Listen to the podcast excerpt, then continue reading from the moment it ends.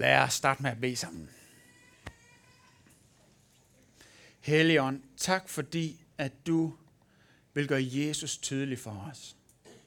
Og vil gøre hans ord tydeligt, kraftfuldt og relevant for os ind i vores liv. Tak fordi du er her nu. Vil du åbne ordet for os, både her og inden hos de forskellige børneklubber, og vil du møde os på ny i dag, Helligånd. Det beder vi om i Jesu navn. Amen. Det er i dag pinsedag, og vi skal høre, hvad der skete den allerførste pinse. Fra Apostlenes Gerning kapitel 2. Da pinsedagen kom, var de alle forsamlede. Og med et kom der fra himlen en lyd, som er et kraftigt vindstød, og den fyldte hele huset, hvor de sad. Og tunger som er ild viste sig for dem, fordelte sig og satte sig på hver enkelt af dem, og de blev alle fyldt af helligånden. Og de begyndte at tale på andre tungemål, alt efter hvad ånden indgav dem at sige. I Jerusalem boede der fromme jøder fra alle folkeslag under himlen. Da nu denne lyd hørtes, stemlede folk sammen, og de blev forvirrede, fordi hver enkelt hørte dem tale på sit eget modersmål. De var ude af sig selv af forundring og spurgte, Hør, er de ikke galilæere? Alle de, der taler. Det var altså før man havde fremmedsprog i skolen, ikke? Er det ikke galilæer? Hvordan kan vi så være især høre det på vores eget modersmål? Vi parter, meter eller midter, vi der bor i Mesopotamien og Judæa og Kappadokien og Pontius og provinsen Asien og Frygien og Christiansfeld og Pamfylien og Ægypten og Kyrene i Libyen. Vi tilflyttede romer, jøder, proselytter og kreter og araber. Vi hører dem tale om Guds store værker på vores egne tungemål. Alle var ude af sig selv, og i deres vildrede spurgte de hinanden, hvad skal det betyde? Men andre spottede og sagde, de har drukket sig fulde i sødvin.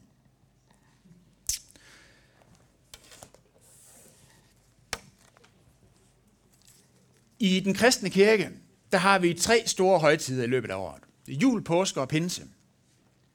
I julen fejrer vi, at Jesus kom og satte sin redningsaktion i gang. Men det er ligesom ikke noget, der gentager sig hver år til jul. Vi fejrer, det skete dengang. I påsken, der fejrer vi, at Jesus vandt over synd og død og djævel, da han døde og opstod igen. Og vi glæder os over den betydning, det har for vores liv i dag. Men det er ikke sådan, at Jesus han bliver offret hver år, når vi holder pinse, eller holder påske. Men med pinsen er det faktisk anderledes. For 2000 år, der kom Helligånden for første gang til alle kristne. Og når vi er kristne, så får vi Helligånden i dåbsgave. På øh, lidt senere i teksten her, efter at det her det var sket, så holder Peter en prædiken, og der er en masse folk, der siger, wow, det vil vi godt nok gerne have del i det her. Og de spørger ham, hvad skal der ske, så får vi kan få del i det. Og han siger sådan her i kapitel 2, vers 38, Omvend jer, og lad jer alle døbe i Jesu Kristi navn til jeres sønders forladelse, så skal I få Helligånden som gave. Vi får Helligånden i dåbsgave. Men det at blive fyldt med Helligånden er ikke en engangsbegivenhed. Noget vi fejrer, der skete for lang tid siden, eller noget, der sker én gang i vores liv. I Paulus' brev til menigheden i Efesos, der skriver han sådan her. Drik jer ikke fulde i vin, det fører til udskejelser, men lad jer fylde af ånden. Det er ikke noget, han skrev til nogen, som ikke var kristne, eller ikke var døbt. Det her, det var kristne mennesker, der var døbt og fyldt med helligånden. Men han siger, at det her med at blive fyldt med ånden, det er noget, der er en gentagende ting i en kristens liv. Lidt ligesom det her med, at du skal elske din næste. Det er ikke sådan, jeg kan sige, tjek, det har jeg faktisk lige gjort. I går lappede jeg naboens cykel. Nu har jeg elsket min næste. Det er et overstået kapitel for mig. Jeg behøver ikke at elske mere. Det er slut. Nej, det er ikke det, der er meningen. Det er ligesom en måde at leve på. Et fokus. Noget, der sker igen og igen og igen. Francis Chan, som er en amerikansk prædikant, han siger, kristne kan aldrig miste ånden, men hans fylde er noget, vi igen og igen skal række ud efter. Jeg har lige læst øh, Apostlenes Gerning kapitel 2 for jer om, hvordan at de kristne blev fyldt med ånden første gang. Og de var jo rigtig kristne, ikke også? Det var de første kristne, og så videre, og så videre. Men vi skal kun to kapitler frem i Apostlenes Gerninger, kapitel 4, så står der sandelig om, at de blev fyldt af Helligånden. Igen, de samme kristne, den samme ånd. Det var ikke bare en engangsbegivenhed, heller ikke for de første kristne. Det var noget, der skete igen og igen. Fordi at det var det liv, de har med Helligånden. Det er ikke bare en engangsbegivenhed. Øh, kapitel 4, det vil jeg prædike om næste søndag. Det glæder jeg mig til. Men i dag vil vi kigge på det her med, at åndens gave, åndens gave, som vi har fået i dåben, er en gave med refill. Jeg var på Burger King i fredags. Det er faktisk nogle okay burger, de er lidt for dyre, synes jeg. Men øh, og så fik vi også en sodavand, og det var varmt. Og så synes vi, uha, vi kunne godt bruge en sodavand. Men jeg sagde, hvad, er, er den her sodavand, er det med refill, eller kan vi få lov at betale for en mere? Nej, nej, det var med refill. Så kunne vi bare gå over og fylde den op. Det var dejligt. Helligånden er også en gave med refill. Vi kan komme og få, blive fyldt op igen. Så temaet i dag er pinse med refill. Og jeg har tre punkter, som jeg gerne vil sige noget om. Det første, hvor kommer fylden fra? Det andet, hvad gør fylden ved os? Og det tredje, hvordan bliver jeg fyldt? Hvor kommer fylden fra? Hvad gør fylden ved os? Hvordan bliver jeg fyldt? Hvor kommer fylden fra? Da pinsedagen kom, var de alle forsamlet. Og med et kom der fra himlen en lyd som et kraftigt vindstød. Der kom en kraft, der står ikke, det var et vindstød, men det var en lyd, som er et kraftigt vindstød. Og den kom et sted fra. Den kom fra himlen. Altså det var ikke noget, der kom inden fra dem selv. Det var ikke noget, de sammen fik skabt og fik den her ting op at stå, eller den skabte en stemning omkring. Det var ikke noget subjektivt eller noget psykologisk. Det var noget, der kom til dem udefra, uafhængigt af dem selv. Noget, der kom til dem fra himlen. I et posteistisk verdensbillede, som er det verdensbillede, der opstår efter, at Gud bliver skrevet ud af vores virkelighedsforståelse, der er løsningen altid noget, der kommer inden fra os selv. Den, den, et dansk mindset er præget af en posteistisk øh, virkelighedsforståelse. Løsningen er noget, der kommer indenfra. Du bliver nødt til at tænke positivt, hvis du skal videre her. Eller du bliver nødt til at tro på dig selv. Eller du må finde potentialet i dit eget indre. Udleve dit indre potentiale. Jeg har sågar på et tidspunkt talt med en kvinde, der mente, at hun havde bekæmpet sin egen kræftsygdom ved øh, hendes øh, indre viljestyrke og kraft, og ved at tænke positivt og tro på det. Kulturen, som vi er en del af, siger, problemer, det er noget, der kommer til os udefra. Løsninger, det er noget, der kommer indefra. For nogle år siden, der var der en terapeut, der havde en artikel i New York Times, hvor hun skrev omkring en ændring, hun havde øh, registreret i de spørgsmål, som dem, der kom til terapi i hendes klinik, de havde, eller det ønske, de havde. Hun siger, for 15 år siden, der kom folk, fordi de ønskede at forandres. De ønskede at forandres i nogle reaktionsmønstre, de ønskede at forandres i den måde, de håndterede øh, relationer på og sådan nogle ting. Men det var det, som folk de havde på hjertet. Jeg ønsker en ændring i mit liv, jeg ønsker at forandres. Men hun siger, i dag der kommer folk og siger, mit problem er, at der er nogle andre, der trænger til at forandres. Kulturen siger, problemerne kommer udefra, det er de andre. Løsningerne kommer indfra, det er mig. Kristendommen siger det stik modsatte. Den siger, problemerne, de kommer indenfra. Og løsningen, det er noget, der kommer til os udefra.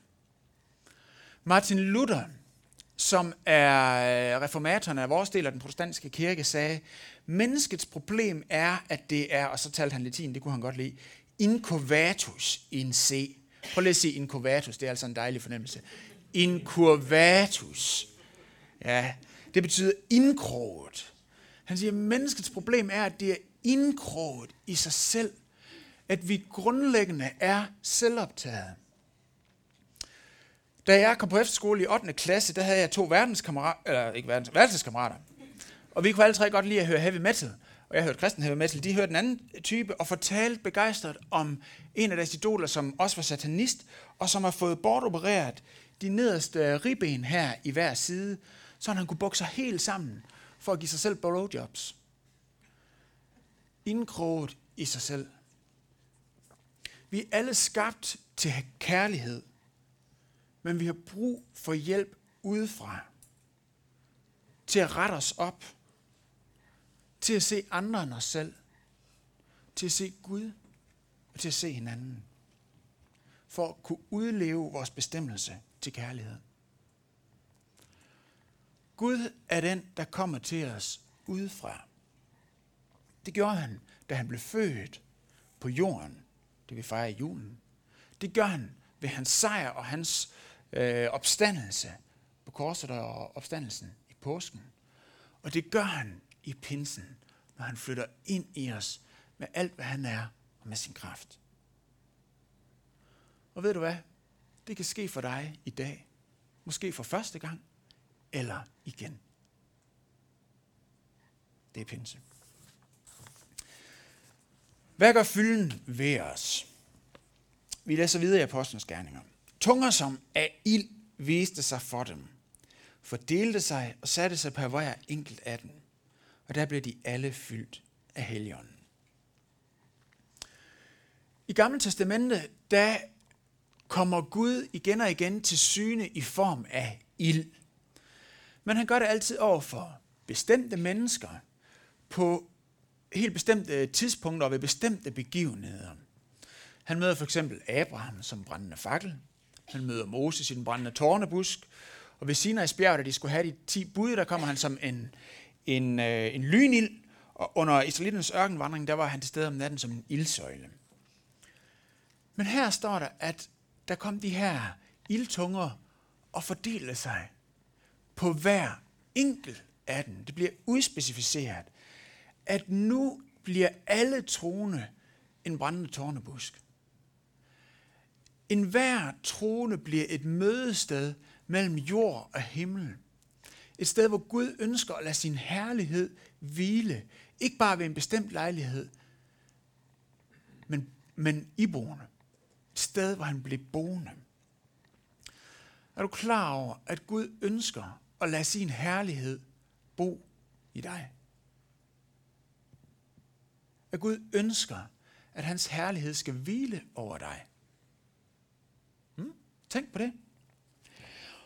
Og så lad mig lige prøve at give nogle hurtige sneak peeks ind i, hvad det er, at ånden altid vil tale om som det første, når han møder os. Her kommer nogle skriftsteder. Det første er fra Markus 1.9 følgende, hvor Jesus lige er blevet døbt. Og øh, der sker det, da han er blevet døbt, at han får helligånden, den daler ned over ham i skikkelse af en due. Og lige derefter lyder der en røst fra himlen, og Gud taler til ham og siger, Du er min elskede søn. Det er simpelthen det første Gud, han ønsker at tale ind i vores liv, når han møder os med sin hellige ånd. Du er min elskede datter, eller du er min elskede søn. Et andet sted er Romerne 8, 15 følgende, hvor øh, der står sådan her, Paulus skriver, I har jo ikke fået en ånd, der giver trællekår, så jeg der skulle leve i frygt. Men I har fået en ånd, der giver barnekår. Og i den råber vi, Abba far. Abba far. Det er sådan det aramæiske udtryk for daddy. Farmand. Farmand. En, man, man siger, hey far, og kan få lov til at sætte sig op på skødet af. Ikke den ophøjede fjerne patriarkat, men den far, som vi kan komme til. Og ånden selv vidner sammen med vores ånd om, at vi er Guds børn. Helligånden vidner sammen med vores ånd om, at vi er Guds børn. I Johannes evangeliet, kapitel 16, vers 14, siger Jesus, talsmanden, og det er altså et udtryk for Helligånden i Johannes evangeliet, talsmanden skal herliggøre mig, og han skal tage af mit, og så forkynde det for jer. Han skal give det videre, som er mit til jer. Ånden vil fortælle dig, at Gud elsker dig. Ånden vil fortælle dig, at Jesus har vundet alt det, som du har brug for. Det vil ånden gøre virkeligt og levende for dig. Ånden vil rette dig op, så du kan se fremad. Se dig selv i spejlet. Se Gud i øjnene og se din fremtidige møde. Og ånden vil hjælpe dig til ikke at leve i frygt. Fordi at den stærkeste, den stærkeste af alle, din farmand, han er der. Min far han er den stærkeste i verden, siger drenge. Han kan, slå, han kan, han kan klare alt. Og jeg ved, Thomas' søn Pelle, der han siger, min far, han kan, han kan lave alt, hvad der er gået i stykker. Han er super lim. Altså, det er det billede, som, som dem, der siger farmand, de har. Og det er faktisk øh, desværre ikke øh, rigtigt for hverken Thomas eller jeg eller andre fædre, men det er rigtigt for Gud. Og det vil ånden fortæller os.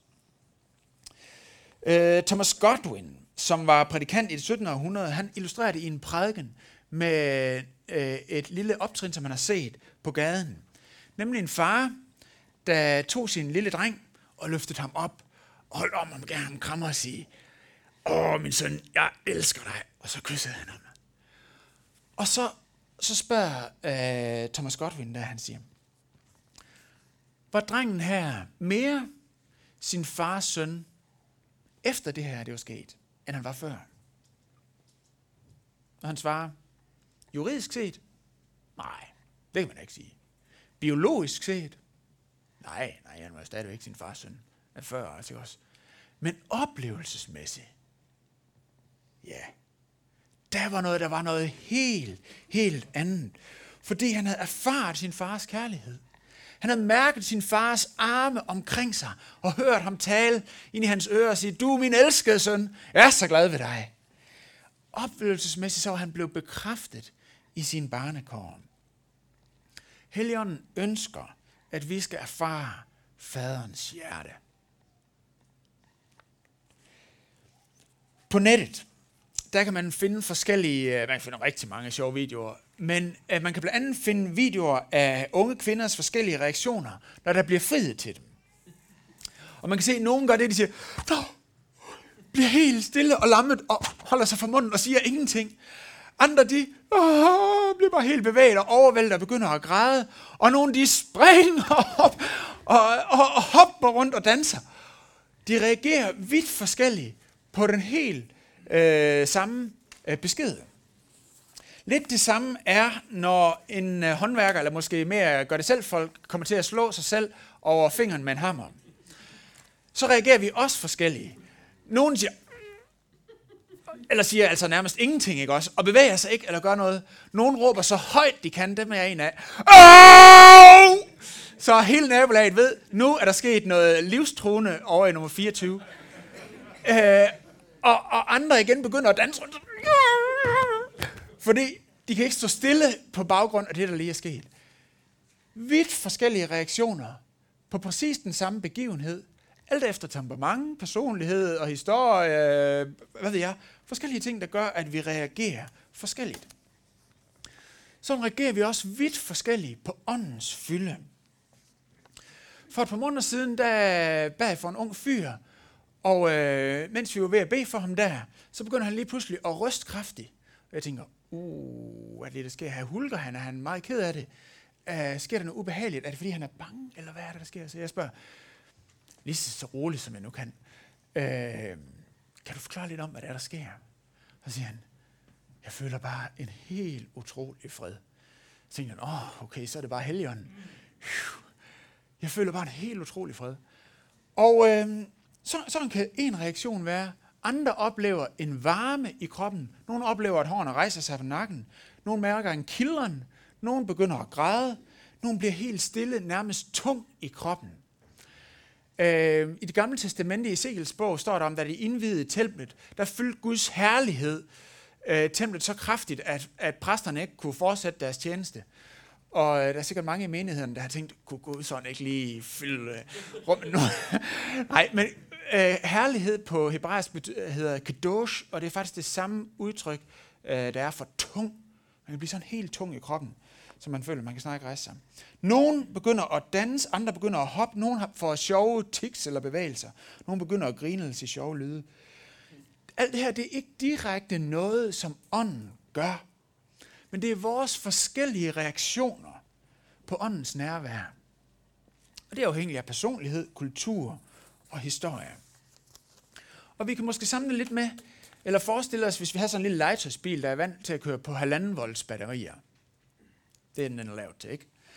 Hvis den så kommer ind i kraftfeltet og får til sig strøm fra et 12 volts bilbatteri, så vil den bare reagere anderledes end det, der er normalt, fordi at der er en anden kraft, den kommer, der kommer i nærheden af den, ikke?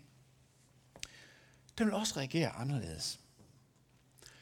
Jeg beskriver det her, for at vi ikke skal blive forskrækket eller øh, forvirret, når der sker forskellige ting, når vi registrerer åndens nærvær, hvis vi oplever noget lignende. Fordi åndens nærvær kan være ligesom en flodbølge, der kommer ind over en strand og flytter alt på sin vej. Det kan være meget kraftigt, men det, åndens fylde kan også være lidt ligesom et tidevand, der kommer lige så langsomt og nærmest uregistrerbart. Her i efteråret, der var øh, Ben og jeg på en kærestetur til Husum i Nordtyskland, i den tyske Marsk, der var min slægt kom fra i 1868. Og der var tidevand. Første gang vi kom ned i gaden med caféer der ned til havnen, så lå alle både, de lå på bunden, oven i øh, mudder og hvad der ellers var der. Der var ingen vand. Men mens vi så sad der, så begyndte vandet lige så langsomt at stige. Man kunne ikke se det stige. Men over tid, når man har drukket den ene kop kaffe, og så kiggede ud, brup, så er der kommet mere vand. Og til sidst så havnen helt normal ud. Alle skibe lå og flød der rundt omkring. Det var tidevand, der var kommet. Og det er det samme vand, der kommer i en flodbølge, og når det er tidevand, der kommer lige så stille. Og når det drejer sig om helgenen, så er pointen ikke, hvordan vi registrerer det, om det er voldsomt, eller om det kommer som en lige så langsom fylde, vi slet ikke registrerer. Pointen er, at vandet stiger. Så vi skal ikke jage de her oplevelser. For vores tro bygger ikke på voldsomme oplevelser. Hverken fysisk eller følelsesmæssigt, men vores tro er forankret på Guds løfter i hans ord og ved Jesu gerning på korset og i hans opstandelse. Så lad være med at jage oplevelserne. Jage Gud selv. Fordi med alle gode varme oplevelser, uanset hvor fantastisk de er, så kan de være væk næste dag. Ligesom lyserød sky, der er forsvundet som duk for solen. Og ved hvad, det kan vi simpelthen ikke bygge vores liv på. Men Jesus, det kan vi bygge vores liv på. Nu vil jeg sige noget om den mest naturlige og mest udbredte respons på åndens fylde. Det er nemlig tilbedelse. Hvad var det pinsedag, at dem, der så alt det her ske med disciplen, hvad var det, de registrerede, da de så det? Der står sådan her i vers 11, hvor de sagde, vi hører dem tale om Guds storværker. Det var det, disciplene de talte om. De talte ikke om, wow, ved I hvad, I skal, jeg så en ild, og jeg hørte en lyd, ligesom et kraftigt vindstød, eller jeg følte sådan og sådan og sådan. Men de sagde, Gud, han er helt vidunderlig. Han kan gøre, de talte om Guds storværker. Det Gud, han har gjort. Fordi Helligånden føder først og fremmest en glæde ved at ære Gud. Og tale om ham. Og tilbede ham for hans karakter. For den han er.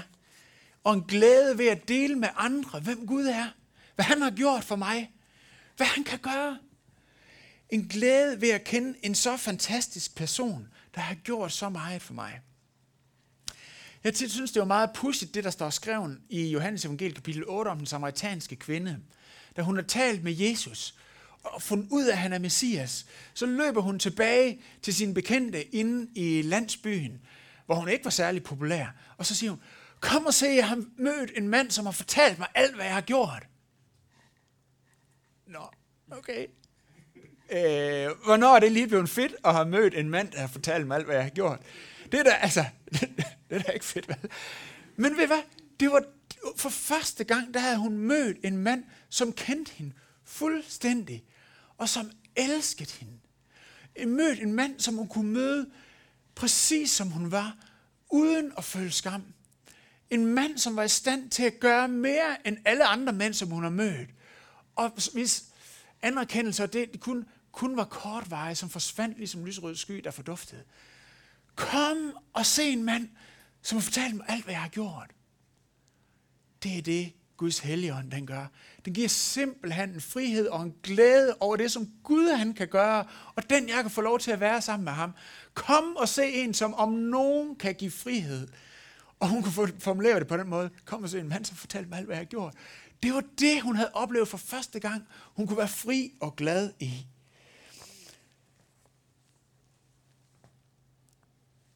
Yes. Fordi at oplevelser, de falmer. Men Jesus, han forbliver den samme. Evangeliet blev ved med at være det samme. Og Guds store værker blev ved med at være de samme. Så hvad skal der til, for at vi kan blive fyldt af Helligånden? Hvordan bliver jeg fyldt med Helligånden? Ja, øh, jeg er ked af at sige det, men det er faktisk noget, der er så enkelt, så det knap nok kan give til en pointe i en prædiken. Øh, Jesus han siger sådan her i Lukas evangelie kapitel 11, han siger, bed, så skal der gives jer.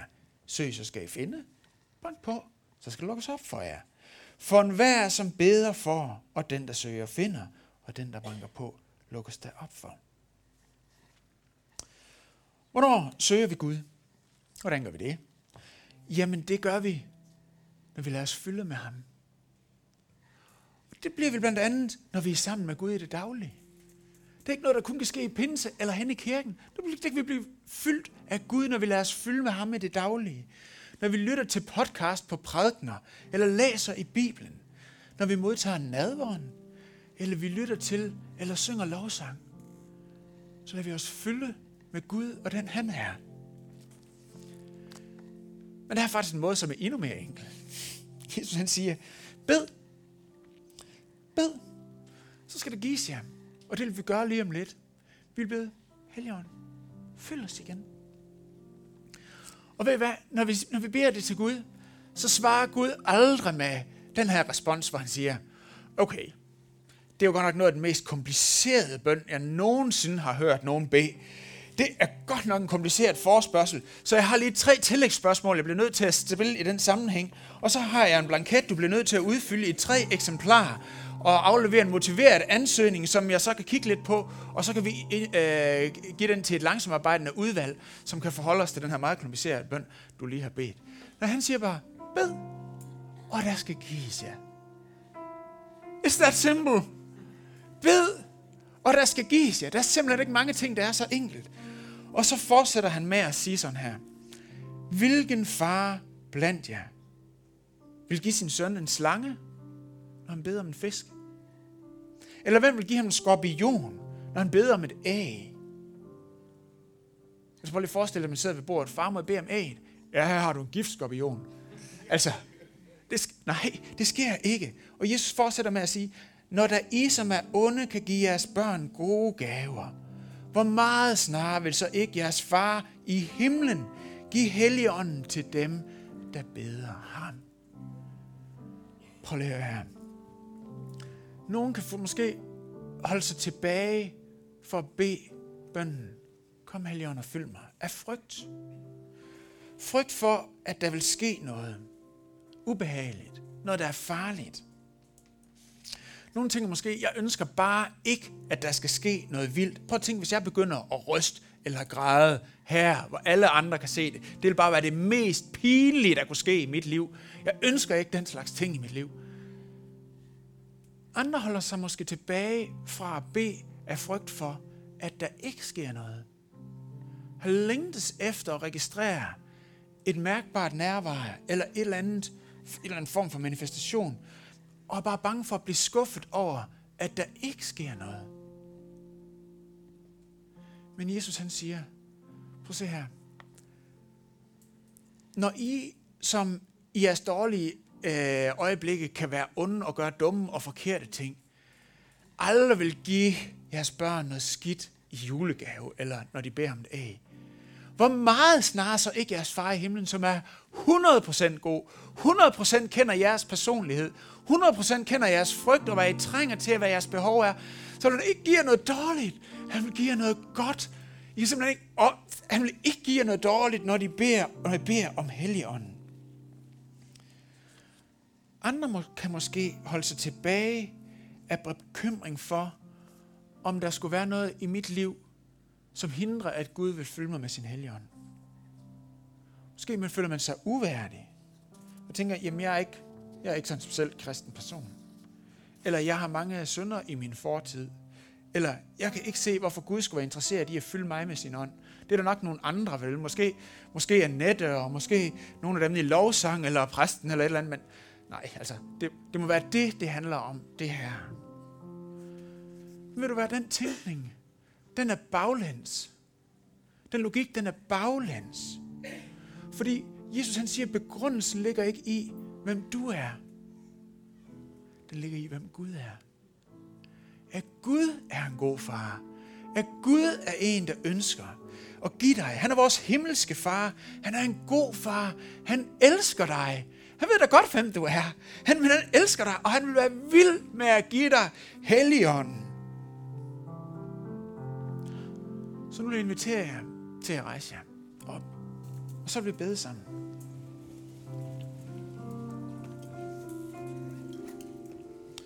Og øh, jeg vil bede for, og I bestemmer bare hvad jeg siger, selv, hvor meget at I er med på at bede med i jeres stille sind. I kan bare gøre, ligesom I er komfortabel med det. Ligesom I har mod til det. Ligesom I er okay med det. Så lad os øh, bede sådan.